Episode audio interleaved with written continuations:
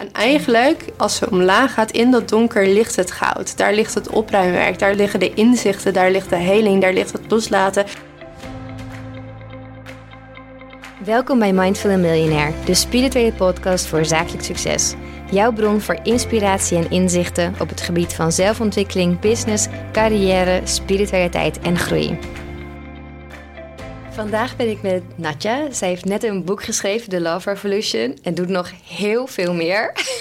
Zoveel dat we niet echt een korte titel of sticker op jou konden plakken. Natja, vertel, wat doe jij allemaal en wie ben jij? Ja, hoi, dankjewel ten eerste. Um, ja, welkom dat je hier bent. Voor het uitnodigen. Ik heb het er net met je over. Ik probeerde al zes, zes zeven jaar een label op mezelf te plakken, ja. maar dat werkt niet echt. Ik heb het ook inmiddels helemaal opgegeven en ik ben er helemaal oké mee. Wat ik doe, eigenlijk wel alles wat met mindset te maken heeft. Dus enerzijds ben ik zeven jaar geleden mijn onderneming begonnen. En mijn core business is nog steeds het richten op mindset. Um, het richten op ook traumaheling, transformatie, zelfontwikkeling, dichter bij jezelf komen. Maar aan de andere kant hou ik ook van alles wat te maken heeft met manifestatie, ondernemen, spiritualiteit. En help ik vrouwen, eigenlijk spirituele ondernemers, met het ja, laten groeien van hun business op hun eigen manier, op hun eigen voorwaarden. Dus ik sta echt voor meer kunnen ontvangen en ook minder kunnen gaan werken. Ja, mooi. Ja, ja heel veel raakvlakken. Ik ben benieuwd naar alles. Laten we eerst even over je boek hebben. Want je zei al, het heet The Love Revolution, maar het is een heel donker boek. ja, het, is een het is een beetje een Trojan horse. Uh, want ik dacht, ja, eigenlijk gaat het over liefde. Maar ik heb expres een donkerblauwe voorkant gekozen, omdat ik heel erg geloof. En dat is denk ik ook mijn rol in het leven. In wat er nu gebeurt in de wereld. Maar ook wat ik doe in mijn werk. Ik ben echt iemand die licht schijnt op het duister. Ja. En dat is niet altijd even leuk. en ik, ik kan er wel lachen. ik haal ook altijd overal waar ik ben, haal ik alle donker naar boven. Mensen denken altijd, dat gebeurt hier. Maar waar ik heel erg in geloof is dat op het moment dat wij niet eerst het donker ingaan... eerst onze eigen schaduwkanten echt aankijken en er ook echt in kunnen staan, kunnen we nooit echt naar het licht gaan. En dat is ook in de transformatie van de wereld die ik nu zie. En daar gaat mijn boek heel erg over. Over wat er gebeurt in je binnenwereld is eigenlijk een reflectie van wat er gebeurt in de buitenwereld en andersom. dus as above, as below, as within, so without. Dus alles is met elkaar verbonden. Dus ik denk ook voor de wereld om samen een wereld te kunnen creëren die wij graag willen zien voor ons en voor onze eventuele kinderen, zullen wij eerst ons eigen schaduwwerk moeten doen en aan moeten gaan en moeten kunnen helen en loslaten voordat we daadwerkelijk in het licht kunnen stappen. En ik denk dat we ook alles wat niet puur is in de wereld aan mogen kijken, zodat we daar bewustzijn van hebben, zodat we er wat mee kunnen.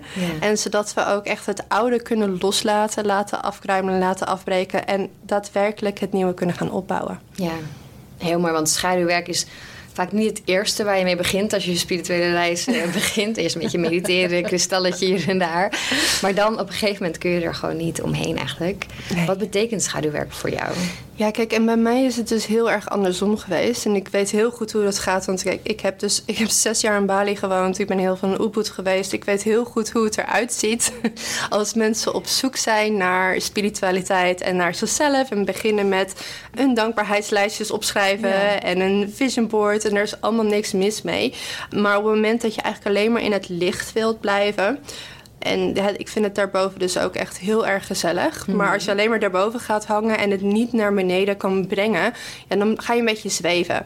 En eigenlijk dat donker, dat ego, die we allemaal hebben, als die niet gezien wordt, dan bepaalt hij nog hoe jij handelt en wat jij doet. Dus bij mij begon het andersom, omdat ik, um, ik denk, hoe oud was ik toen? Nee, dat begon op mijn 24ste, 25ste, echt in een hele zware depressie kwam werd ik gedwongen om het aan te gaan kijken. Ik, had op een gegeven moment geen andere keuze. Ik ben best wel koppig. Ik ben ook echt een vechter. Die depressie heeft ook gewoon bijna twee jaar geduurd. En ik dacht, nee, nee, nee, dat gaan we niet doen. We gaan gewoon door, we gaan gewoon door, we gaan gewoon door. Ja, totdat ik gewoon echt op mijn knieën zat en dacht, oké... ik geef het op. Kom maar dan. Kom maar. Ik weet niet wat hier de bedoeling is, maar kom maar op dan.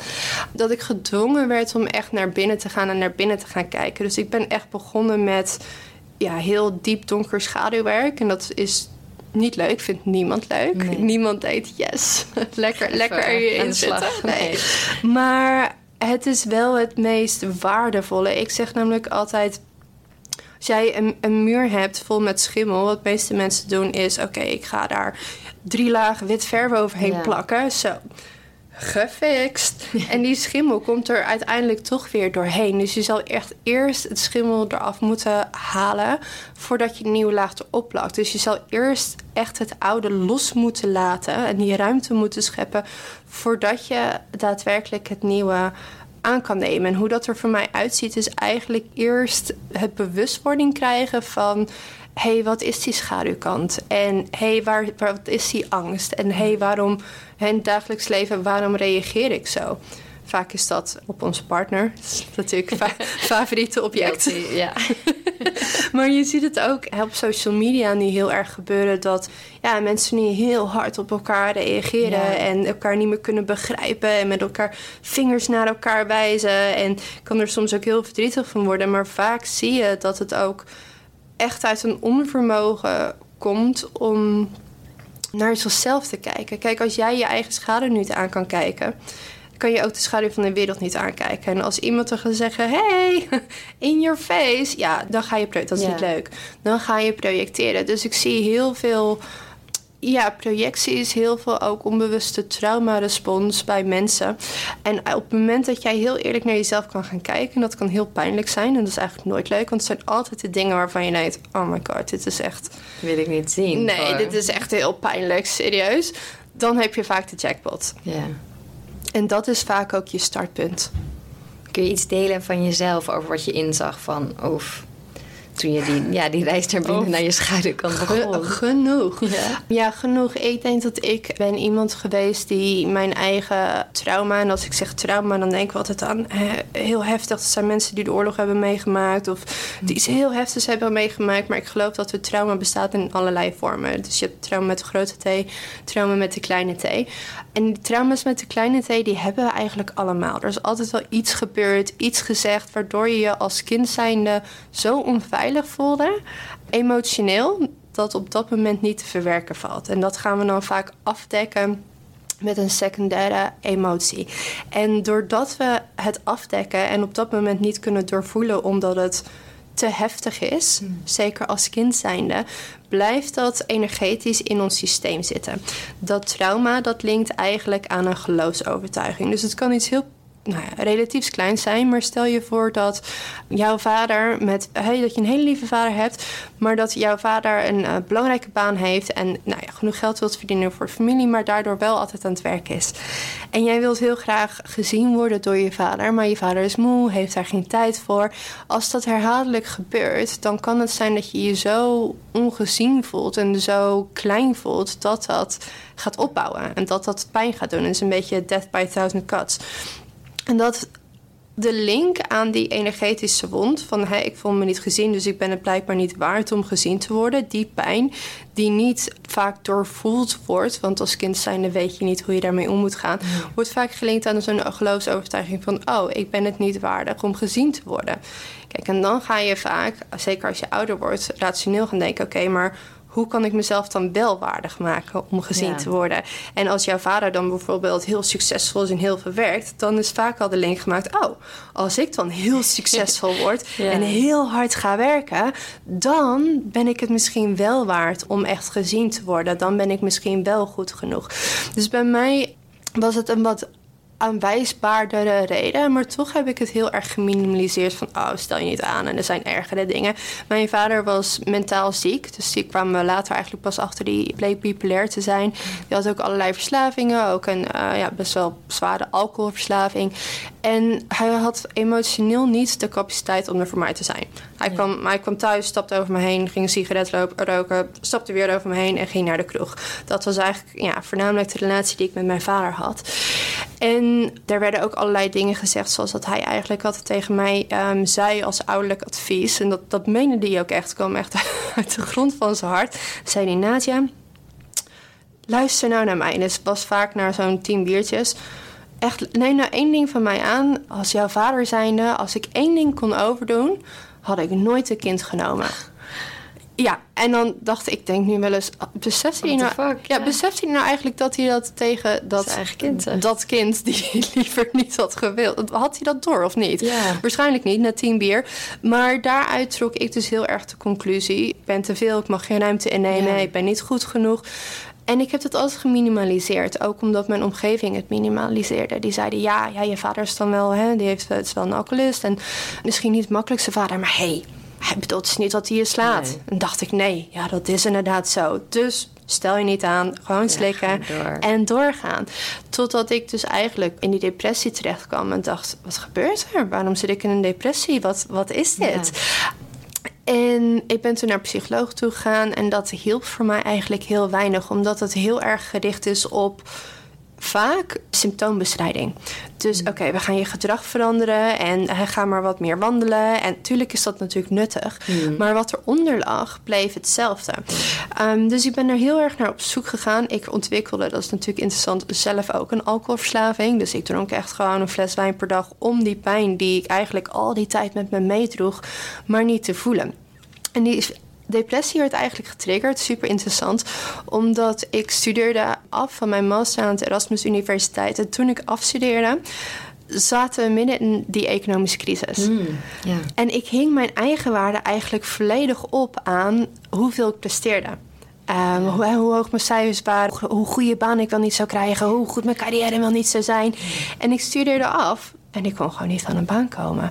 En toen ging het ook uit met mijn vriendje.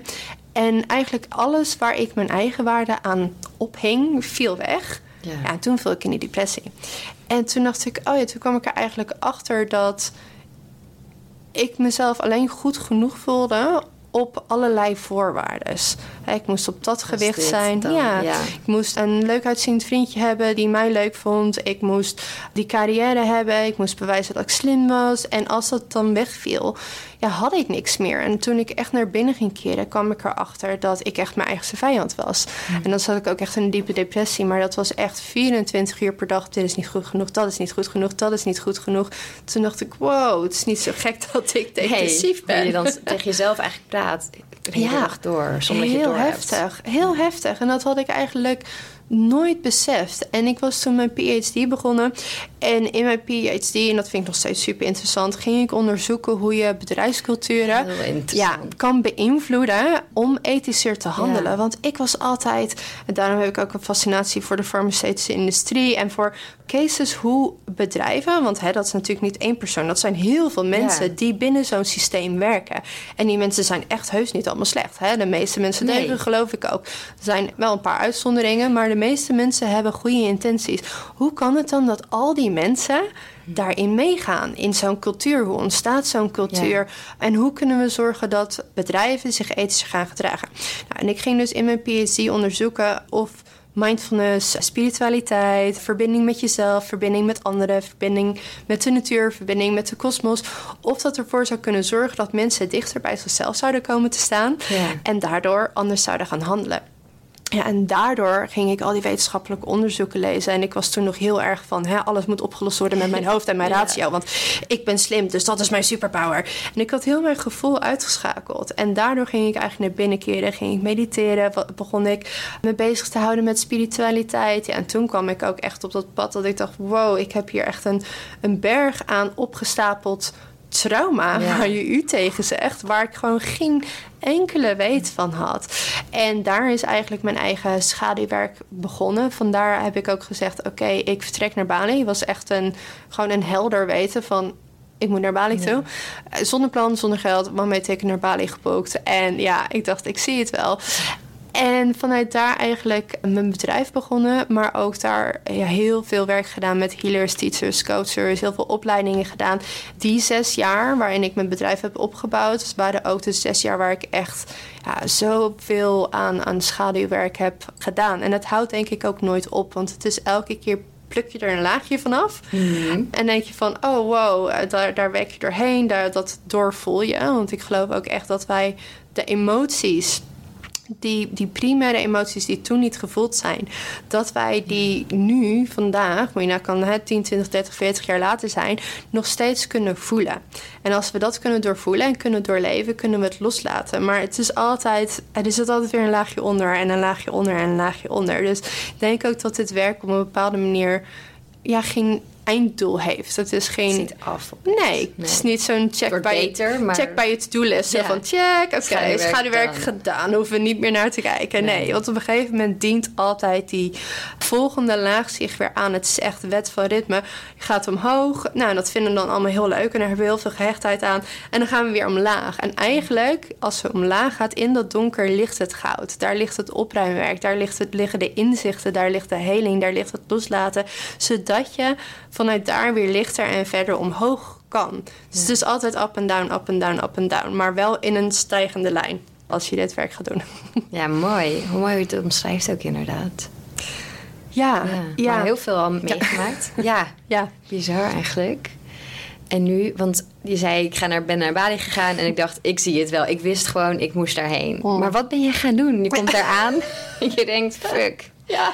Want ja, je die toen afgebroken? Of? Die heb ik afgebroken, want ik besefte ook, ondanks dat ik het nog steeds super interessant vind, maar ik dacht, ik doe dit niet uit de juiste reden. Ik doe dit eigenlijk omdat ik dacht, ik vind het enerzijds heel interessant en ik wilde een, een purpose, ik wilde iets, iets betekenisvol doen. En ik was ook iemand, ik werd overal ontslagen ik kan niet heel goed tegen autoriteit, sowieso niet. Maar ik dacht, elke baan waar ik zat, op een gegeven moment had ik echt een goede baan. En dacht, zit ik hier nou mijn tijd in verdoen? En ik had zo intens sterk het gevoel, ik ben hier met een reden. En dat weet ik. Hmm. En daarom, ik ben ook echt wel, ik heb ook echt gedachten gehad in mijn depressie van ja, waarom word ik nog wakker? Maar ik voelde gewoon, ik ben hier met een reden. En het, ooit zie ik het. En toen ik het werk ging doen, werd me heel helder van: oh mijn god, jij bent hier om dit door te geven. Kijk, en dat is heel leuk als je dan dat helder, dat dat voor je verbonden bent met dat weten en dingen kan zien. Maar de tweede gedachte was natuurlijk, ja, wie gaat er nou naar mij luisteren? Wie ben ik nou Ja, wie ben, hallo, ik ben net twee jaar depressief geweest. Ik heb een alcoholverslaving gehad. Ik zat ook in allerlei destructieve relaties. Want ik begon natuurlijk die relatie met mijn mm. vader te dupliceren zonder dat ik het in de gaten had. Ja, wie gaat er in hemelsnaam naar mij luisteren? Goed, toen heb ik gezegd, ik ga eh, twee opleidingen volgen in Nederland. Ik ga mijn ticketboek naar Bali, ik ga. En als er één iemand is waarin, hè, waar ik zijn of haar leven kan veranderen, dan is dit het al waard. En toen kreeg ik mijn eerste klant en zij was ook echt, zij zat ook in een depressie. Toen dacht ik, oh my god, kan ik dit? Hmm. En die vrouw liep gewoon volledig anders weg na 15 jaar in therapie te zijn geweest. En ik dacht, oké als ik dit nu de eerste keer kan, wat kan ik dan nog meer? En uh, ja, met heel veel vallen en opstaan heb ik toen mijn bedrijf opgebouwd. Dat ik had geen idee waar ik aan begon. Nee. Echt totaal niet. Ik had geen Instagram-account. Ik wist niet hoe je een website moest bouwen. Ik, nee, nergens, ik geen plan, geen idee.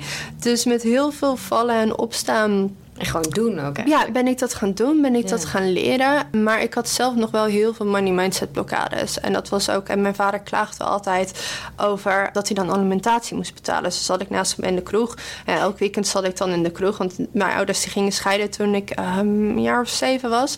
Dus ik moest elke week naar mijn vader. Nou, dan zat ik daar in een hoekje van de kroeg. En dan was het ja, en ik weet je hoeveel geld ik aan Nadja moet betalen elke maand. Nou, ik weet niet, wat, wat is alimentatie? 150 euro of zo per maand? je salaris. Ja, nou ja, zoiets ja. belachelijks. En dus ik had altijd die programmering van... oh, het is heel slecht als mensen geld aan mij moeten geven... en ik mag dat, die ruimte niet innemen. Dus onbewust ging dat dus eigenlijk ook weer doorspelen in mijn business. Ik had altijd kortingen aan het geven. En dan was oh ik nog meer aan het geven en nog minder geld aan het vragen. Tot eigenlijk het moment kwam dat ik zwanger werd van, van mijn eerste kindje. Mhm. En dat was in Bali. En mijn partner had net al zijn geld in een start-up gestoken. Gewoon weg. En ik wist ook, ik wist eigenlijk, het gaat of heel lang duren voordat het terugkomt, of het komt helemaal niet terug. Nou, het tweede is gebeurd. Dus toen dacht ik, op hem gaan zitten wachten is niet slim. Nee, ik ga het zelf wel doen. ja, en toen dacht ik dus of ik moet nu weer, weer een baan gaan aannemen. Want hè, dan weet ik zeker dat er gewoon geld binnenkomt. Maar dat, dat is niet waarvoor ik hier ben. En ik ben zo goed in wat ik doe, dat, daar kan ik echt voor staan. Dus ik mag nu ook gaan leren hoe ik kan gaan ondernemen. En hoe ik geld kan gaan ontvangen. En daar heb ik dat besluit genomen toen ik zwanger was van mijn kind. Toen dacht ik, ja, ik wacht even, ik moet nu voor mezelf, voor een kind en voor iemand anders financieel gaan zorgen ja, dan, dan moet er wat veranderen. Er moeten knoppen. Kun je niet door blijven gaan met kortingen geven. Nee, uh, dat kan niet. Jezelf niks waard vinden. Nee, en ik zat natuurlijk ook vast in die cirkel van... oh, ik heb geen geld, dus ik kan niet investeren. En ja, in plaats van, het is natuurlijk volledig andersom. Maar nee, ik heb geen geld, dus ik kan niet investeren in een business coach. Nou, geen geld, niks, zwanger. Ik dacht, fuck it, geïnvesteerd in een business coach. En toen is het eigenlijk ook financieel... maar ook mijn onderneming zo snel gegroeid. En toen ben ik ook achtergekomen hoe leuk ik ondernemen ook vind. Want het is één grote zelfontwikkelingsreis. En voor mij is ondernemen ook echt heel erg spiritueel. Daar mag voor mij ook echt spiritualiteit bij komen kijken. En elke keer als je met je, met je business naar een nieuw level gaat, moet je eerst in je zijn, in je hmm. overtuigingen, in je gedragingen, in, in hoe jij je voelt, en hoe je denkt en hoe je handelt, moet je ook eerst naar een nieuw level gaan voordat je business dat kan. Ja. En daarom vind ik, het, ja, vind ik het zo enorm boeiend. En toen kwamen er in één keer allemaal mensen naar me toe. Niet meer om aanvragen voor mindset, maar alleen maar mensen die zeiden... Natje, kan je me helpen met mijn onderneming? En ik zei eerst, nee joh, nee joh, nee joh, nee joh, nee joh, nee ja. Op een gegeven moment dacht ik, oké, wacht even. volgens, ja, volgens mij is dit de bedoeling. En nu vind ik het dus ook echt heel erg leuk om te doen. Ja. ja, ik vind het zo mooi dat je die combi echt zo ook inzet. Ja, tussen spiritualiteit en ondernemen. Want ik vind het ook helemaal, maar ja, het wordt iets normaler, maar we zitten natuurlijk ook in een enorme bubbel. Ja, toch wel vaak dat mensen het een gekke combi vinden. Maar hoe, oké, hoe doe je dat? Je zei het heel mooi dat ik moet naar een nieuw laagje voordat je ook in, dat in je business naar een nieuwe laag kan. Mhm. Hoe help je mensen daarbij? Mijn, mijn mastermind um, heet bijvoorbeeld de, de Aligned Entrepreneur. Dus het gaat voor mij allemaal heel erg om alignment. Kijk, ik geloof dus niet in of en of. Ik geloof heel erg in en en en. Kijk, je hmm. kan een fantastische mindset hebben... maar als je daarna geen heel goed lopende systemen en strategieën in je bedrijf hebben... ja, dan gaat, gaat het nog niet goed. Nee. Um, dus vaak zie je dus of dat mensen heel erg aan die vrouwelijke energie gaan... Hè, die kunnen heel goed die visie zien en, en dromen en, en vision board. Alleen vinden het heel moeilijk om het naar aarde te brengen. Ja. Ehm, en daar geld voor te mogen ontvangen en, en ook concrete stap te zetten. Anderzijds zie je dat mensen heel erg in die mannelijke energie gaan schieten en alleen maar knallen, knallen, knallen en deadlines en meer en nog meer to-do-lijsten en eigenlijk om een punt gaan komen waarvan ze denken: ehm, wacht even, ik begon hier voor mijn vrijheid omdat ik mijn eigen leven wilde creëren, maar wat, is, wat is er precies gebeurd? En dat punt heb ik, daar heb ik ook op hmm. gezeten. En ik, ik moet dingen dus echt zelf eerst doorleven voordat ik ze kan teachen. Ik heb heel erg in die vrouwelijke modus gezeten de eerste zoveel jaar waarvan ik dacht: ja, geld, niet belangrijk. Ik ben hier om mensen te helpen. Ja, dat inderdaad. Ja. Maar ook heel erg van: het is niet puur om geld te ontvangen. En dan hmm. denken mensen dadelijk dat ik het voor het geld doe. Dat mag niet. En nou ja, dus daar. En, en toen ben ik eigenlijk weer de andere kant op geschoten. Toen ben ik echt heel erg die analytische mannelijke kant ingezet. En op een gegeven moment dacht ik, ja, wacht even zo gaat het ook niet. En bij mij is het altijd kinderen krijgen. Ik ben dus nu zwanger voor mijn derde kind. Dat is goed, dat zelfreflectiemomentje voor jou. volgens mij moet ik gewoon heel veel kinderen krijgen. nee, nee, dit, steeds dit, Ja, nee, volgens mij is drie wel de max hoor. Maar ik werd toen dus op een gegeven moment zwanger van, van mijn tweede kindje, van mijn dochter. En ik was toen dus heel erg in die, in die achievement modus. En vaak zie je toch ook stiekem wel wat eronder zit, is ook hè, achievement staat gelijk aan eigenwaarde. Wat, wat ik kan, hoeveel ik waard ben. Dus ik zat daar heel erg in vast. En ook een stukje financieel nog uit angst komen. Toch wel dat ik dacht, jeetje, ik moet financieel voorzien voor mezelf, voor mijn kind, voor mijn man, maar ook voor mijn kind die er dadelijk aankomt. Dus harder en nog meer doelen. En toen ging ik op vakantie naar Portugal. En eindelijk had ik dus even vakantie. En toen dacht ik, ja, ik ben eigenlijk toch echt wel heel erg, heel, heel erg moe. En toen dacht ik, ja, maar dit is eigenlijk ook niet waar ik voor getekend heb. Hè? Dat, dat altijd blut zijn. En uh, ik hoef geen geld te verdienen. Ja, dat slaat nergens op. Want we leven hier op aarde en we hebben geld nodig om. Het is nu eenmaal een systeem. Ja, om, om in overvloed te kunnen ontvangen. Dus ook in overvloed te kunnen geven. Maar altijd keihard werken en geen tijd overhouden is ook niet waarvoor ik hier kom. En toen heb ik dus heel intentioneel naar het universum de wens uitgesproken van ik, dit wil ik niet meer. Zo wil ik het niet meer. Ik wil minder gaan werken. Ja. Nou, dat was echt een uh, gevalletje be careful what you wish for. Want dezelfde week was ik dus zwanger. Ja, prima. Ik dacht, oh leuk, prima. We, wilden, wilden inmiddels een tweede kindje. Totdat het dus helemaal misging. Want het eerste trimester, ik was Nou, ik was zo ziek. Ik ging echt met handen en voeten, kroop ik de trap op. Alleen, ik kon alleen maar kotsen, maar ik was mentaal ook weg. Ik, ik was gewoon er was gewoon niks meer. Ik zat gewoon echt als een soort met van kastplantje heel de dag naar een muur te staren. Ik was niet eens in staat. Ja, het was, heel, het was echt wel extreem. Ik was niet eens in staat om vaak een e-mail te beantwoorden. En elke keer dacht ik: dit kan niet, dit kan niet, dit kan niet. Want mijn business en iedereen heeft me nodig. En alles valt, valt uit elkaar. En dan zie je dus ook hoe belangrijk je jezelf hebt gemaakt. Mhm. en ik dacht, dit gaat helemaal mis. Het gaat helemaal mis. We gaan failliet. Ja. en heel de wereld gaat eraan. Het slaat natuurlijk helemaal nergens op. En elke dag draaide de wereld gewoon door. We gingen, ik ging niet failliet. Alles bleef gewoon goed gaan. En ik werd echt geforceerd om drie maanden gewoon niks te doen. In, Juist in een tijd waarvan ik dacht, ik moet nog harder werken. Want er komt een kindje aan. En al die, die de angsten die bovenkwamen financieel. En dat was voor mij echt, het was echt, ik geloof dat het leven je geeft wat je nodig hebt. Dat mhm. was voor mij echt nodig om te zien, wacht even, ik wil dit niet meer. Ik wil dat ook echt niet meer. En de wereld vergaat niet als ik minder werk. Kijk maar, ik doe nu al drie maanden letterlijk niks. Alles gaat nog steeds goed. Oké. En vanuit daar heb ik eigenlijk zo'n sprong gemaakt dat ik eigenlijk mijn winst echt ver, nou, dat was echt verachtdubbelde in de eerste maand dat ik weer ging werken. Terwijl ik parttime ging werken. En dat was zo'n wow. Al die overvloed was er de hele tijd al. Ik was het alleen zelf aan het blokkeren. Doordat ik constant aan het werk was en constant geloofde dat ik heel erg veel moest opofferen. Heel hard trekken eigenlijk. Ja, om te mogen ontvangen. Dus waar ik heel erg geloof is, in is geloof is die alignment. En dat betekent dus dat alles in lijn moet zijn met elkaar. Als bijvoorbeeld iemand in mijn mastermind zit en die zegt: Ik wil heel veel impact maken. Dus ik wil daarmee, daarom wil ik ook heel veel volgers op Instagram en ik wil een heel groot bereik. Oké, top. Maar goed, dat, is, dat is, kan een verlangen zijn. Dan denk ik mhm. dat je eerst moet gaan kijken: komt dat verlangen vanuit je hart? He, wil ja, echt je hart die zegt: Ik wil een heel breed een impact maken op de wereld. En daarom wil ik die volgers. Of komt het ook een beetje vanuit je hoofd, hè? vanuit je ego. Ja, een beetje ego. Hoe meer volgers ik heb, hoe meer, hè, hoe meer autoriteit. Of hoe, meer dat betekent dat ik waardig ben of goed genoeg ben. Ik denk dat dat de eerste check is. Komt het uit angst of komt het uit liefde? Dus altijd die liefde over angst. De tweede check is: oké, is het ook de bedoeling met het universum? Ik geloof dat manifesteren ook echt gaat over co-creëren. Je, je bent niet alleen aan het creëren, je creëert samen met het universum. En ik geloof ook dat het universum altijd een hoger plan heeft.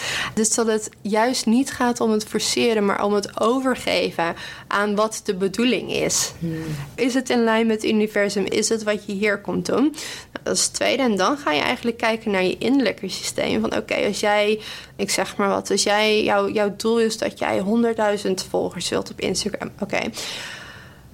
Heb je daar het veld voor? Heb je daar de container voor om die 100.000 mensen te houden? Want wat dat betekent is dat als jij gedachten hebt, zoals iedereen moet mij leuk vinden, Hmm. En oh, als mensen kritiek op mij leveren, dat, dat, dat kan niet. Dat is niet de bedoeling. Iedereen moet mij aardig vinden. Want als iemand mij stom vindt, dan betekent het dat ik niet goed genoeg ben. En onbewust heb jij daar nog een pijn in je systeem in zitten en een geloofovertuiging. Wat je dan gaat doen, is eigenlijk heel erg in het midden blijven. Heel erg proberen iedereen te pleasen. En hoe meer bereik jij gaat hebben, hoe meer mensen er zijn die jou stom vinden. Ja.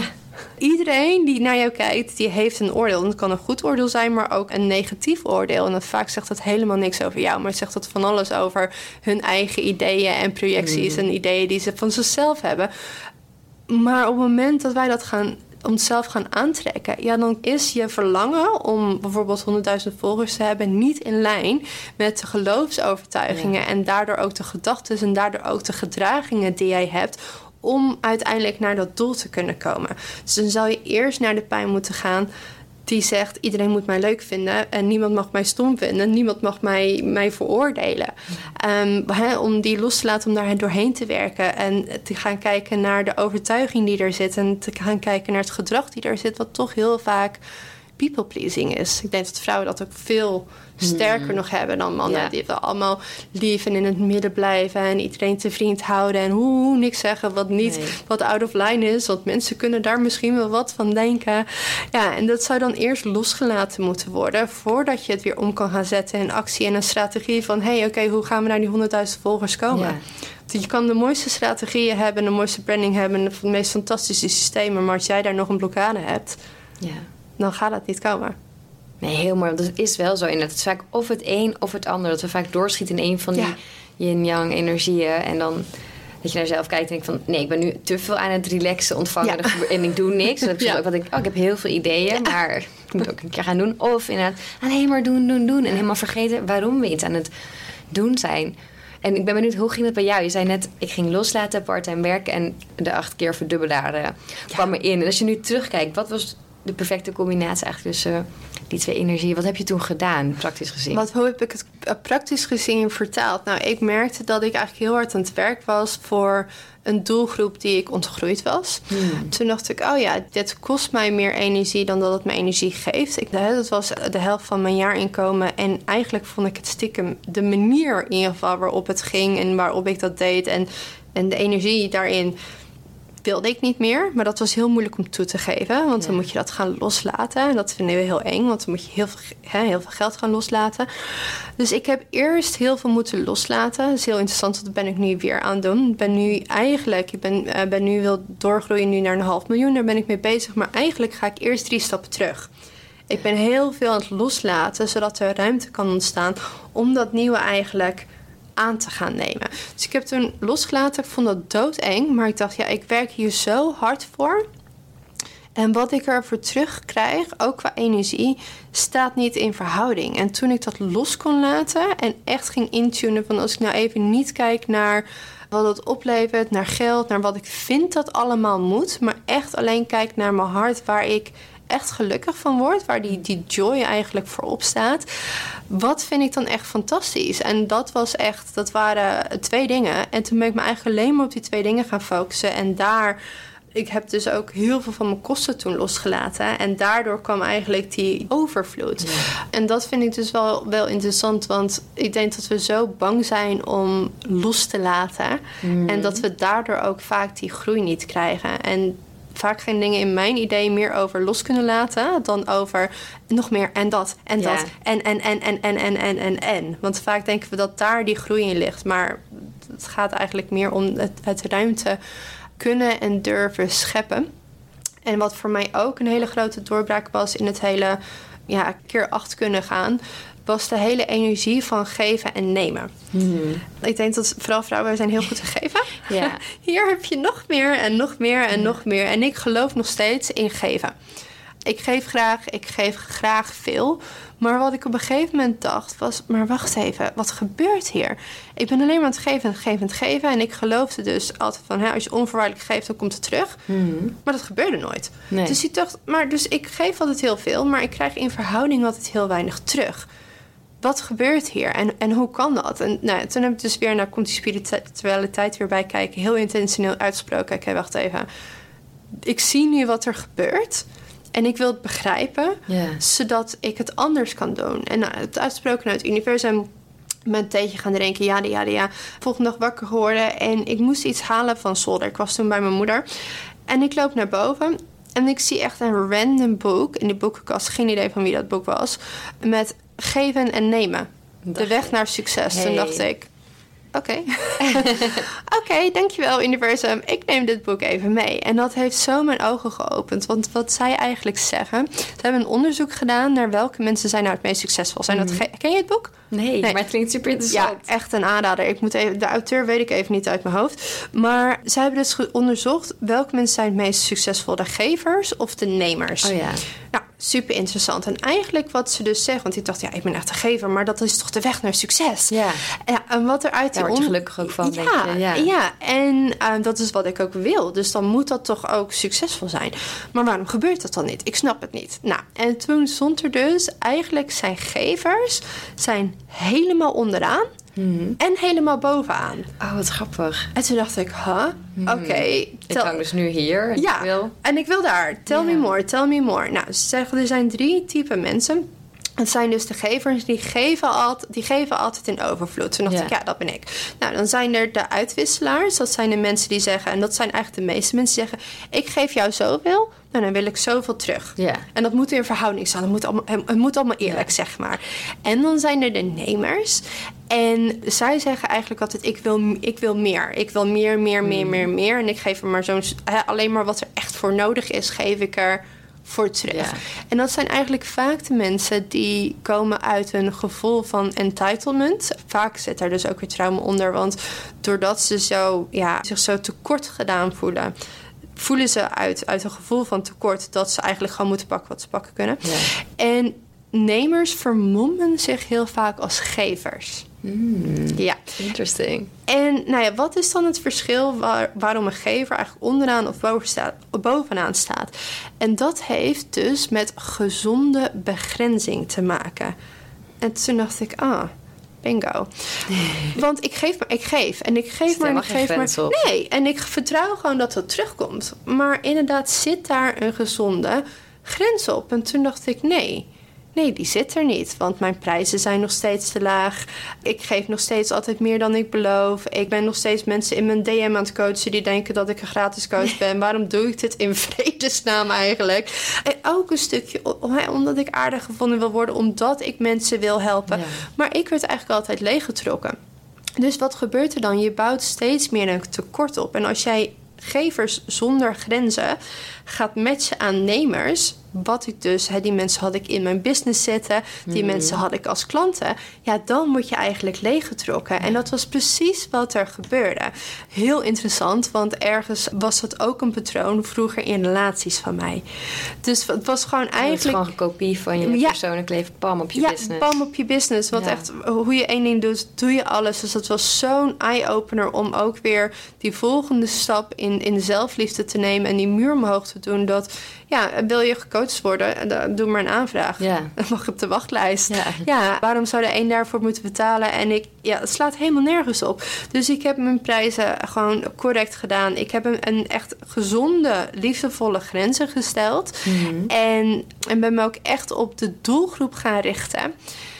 Die niet trok en zoog, maar juist die klaar waren voor die transformatie. Ja. En toen veranderde in één keer alles. Want toen kon ik gewoon ontvangen. En ik kon het ook toelaten. En ik kon ook met mensen gaan werken waar ik zelf super veel energie van kreeg. Ik kon de juiste prijzen vragen. Ja, en toen is die overvloed eigenlijk ook heel erg gekomen. Wat mooi. Ja. En nu zit je weer in zo'n soort transitie. Naar de Ja. half miljoen. Naar de half miljoen. Ja. En daar ben ik nu mee bezig. Dus voor mij is dat ook een stukje weer loslaten, een stukje keuzes maken. Want ik ben natuurlijk, ik ben nu dus weer zwanger. Ja, dat helpt wel denk ik bij dat loslaten. Want je moet bijna wel. Je moet. Ik was, het was ook even schrikken, want het was echt... Oh, ik ben nu zwanger. Oké, maar eh, wacht even. ik heb de hele boeklancering die eraan komt. Ehm, Oké. En ik was denk ik ook heel erg geschrokken door mijn vorige ervaring met mijn tweede kindje. Ik dacht, oh nee, als ik een, nu... eh, Drie maanden overgeven. Nee, als ik nu in een kastplantje verander, dan, dan... Nee, dat kan niet. Nou, dat is gelukkig niet gebeurd. Maar ja, je bent wel zwanger. Ja. Dus ik kan niet meer op 100%. Ik kan op 80%, 75% nu. En ik denk dat je dat op twee manieren kan zien. Je kan of denken, oh nee, dit is gedoemd. En, en hey, waarom? Of je kan het in je voordeel gebruiken. En denken, oké, dat betekent dus echt dat ik gedwongen word... om dit boek te lanceren vanuit... Energy first. Vanuit ik moet rustdagen inplannen. Ik, gisteren heb ik ook echt alles losgelaten. De telefoon naast me neergelegd. En ik ben gewoon in bad gegaan. Ik heb Netflix gekeken. Ik heb, ben gaan wandelen. Ik dacht echt, nee. Je, je moet die grenzen en die container eigenlijk nog strakker maken. En ik geloof dat eigenlijk ook hoe strakker je die container kan zetten, hoe meer jij dat liefdevol kan begrenzen, hoe meer jij energie, dus hoe je je voelt, hoeveel energie je hebt, hoeveel, hoe dankbaar je bent, hoeveel een overvloed jij bent, op nummer 1 kan zetten voor het, het doen, hoe meer je kan gaan aantrekken in plaats van dat je moet gaan pushen. Ik kan er nu ook bijvoorbeeld op vertrouwen dat ik weet dat de inhoud van mijn boek zo sterk is en zo belangrijk is, zeker in deze tijd, dat het boek gedragen gaat worden. En dat ik dus niet keihard hoef te pushen om te zorgen dat het boek in handen van de Ja. juiste mensen komt. Nee, dat is echt een mooie gedachte inderdaad. Zo'n verschil. Ja. Het voelt ook zo anders.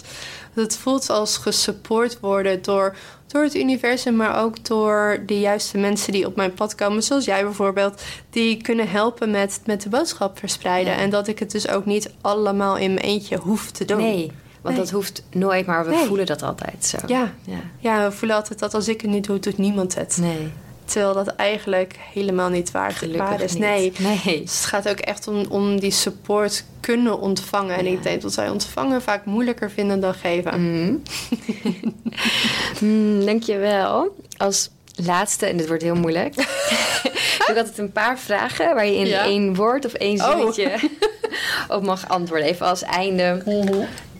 En ik ben benieuwd, volgens mij heb je deze al gezegd, maar het beste boek dat je hebt gelezen? Oeh. Laten we er twee doen. Beste spirituele boek en beste businessboek. Oh, Of ehm, leukste, mooiste. Leukste, mooiste. Ja, het zijn er nogal veel. Maar laat ik het zo zeggen, een van mijn favorieten spiritueel is zeker de, de Fontein van, Mm, Els, eh, van Els. En beste businessboek, jeetje. Moet ik ook echt even graven in mijn, in mijn geheugen. Zo. Ik heb ook nog een keer Baby Brain. Volgens Oh, ja. mij heb ik jou, volgens mij, wacht even, want nu ben ik aan het, aan, het, aan het cheaten. Maar volgens mij heb ik jou onlangs dat horen zeggen. En jij zei ook, het is een heel taai boek. En het is een heel taai boek. En jij hebt je business er ook op gestold. Maar Scaling Up. ja, dankjewel. Ik vond hem heel taai. Ik vond het zeker niet het leukste boek. Maar het is wel een heel waardevol boek. Ik heb hem twee keer gelezen.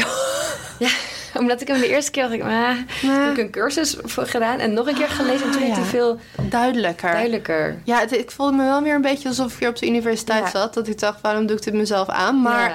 eh, qua businessboek vind ik hem wel heel goed. Leuk. Ja. Meest inspirerende persoon. Personen.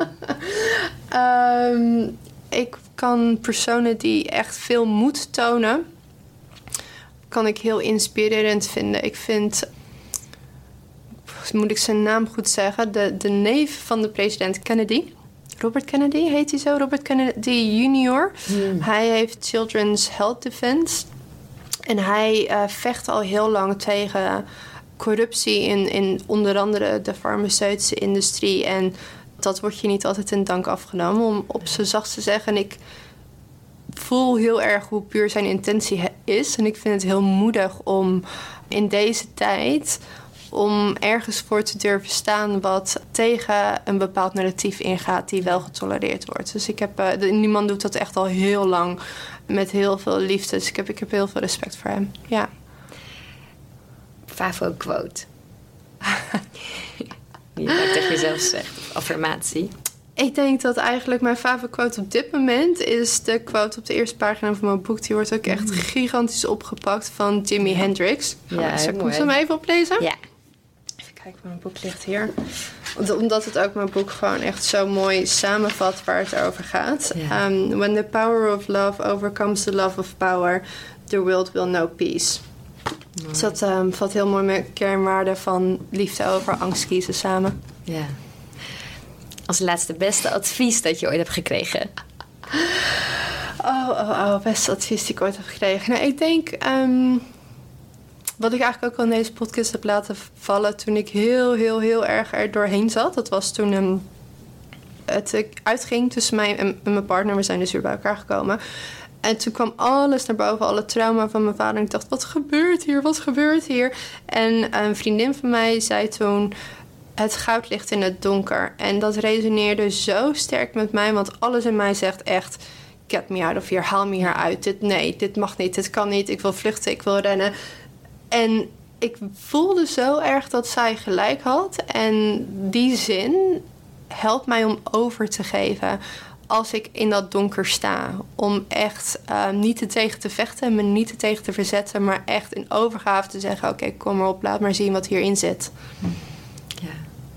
Nee, nog één vraag, sorry. En die mag je meer dan één zin beantwoorden. Maar hoe is het om zelfvoorzienend bij een of ander, op een of ander eiland bij Nieuw-Zeeland te leven de helft van het jaar?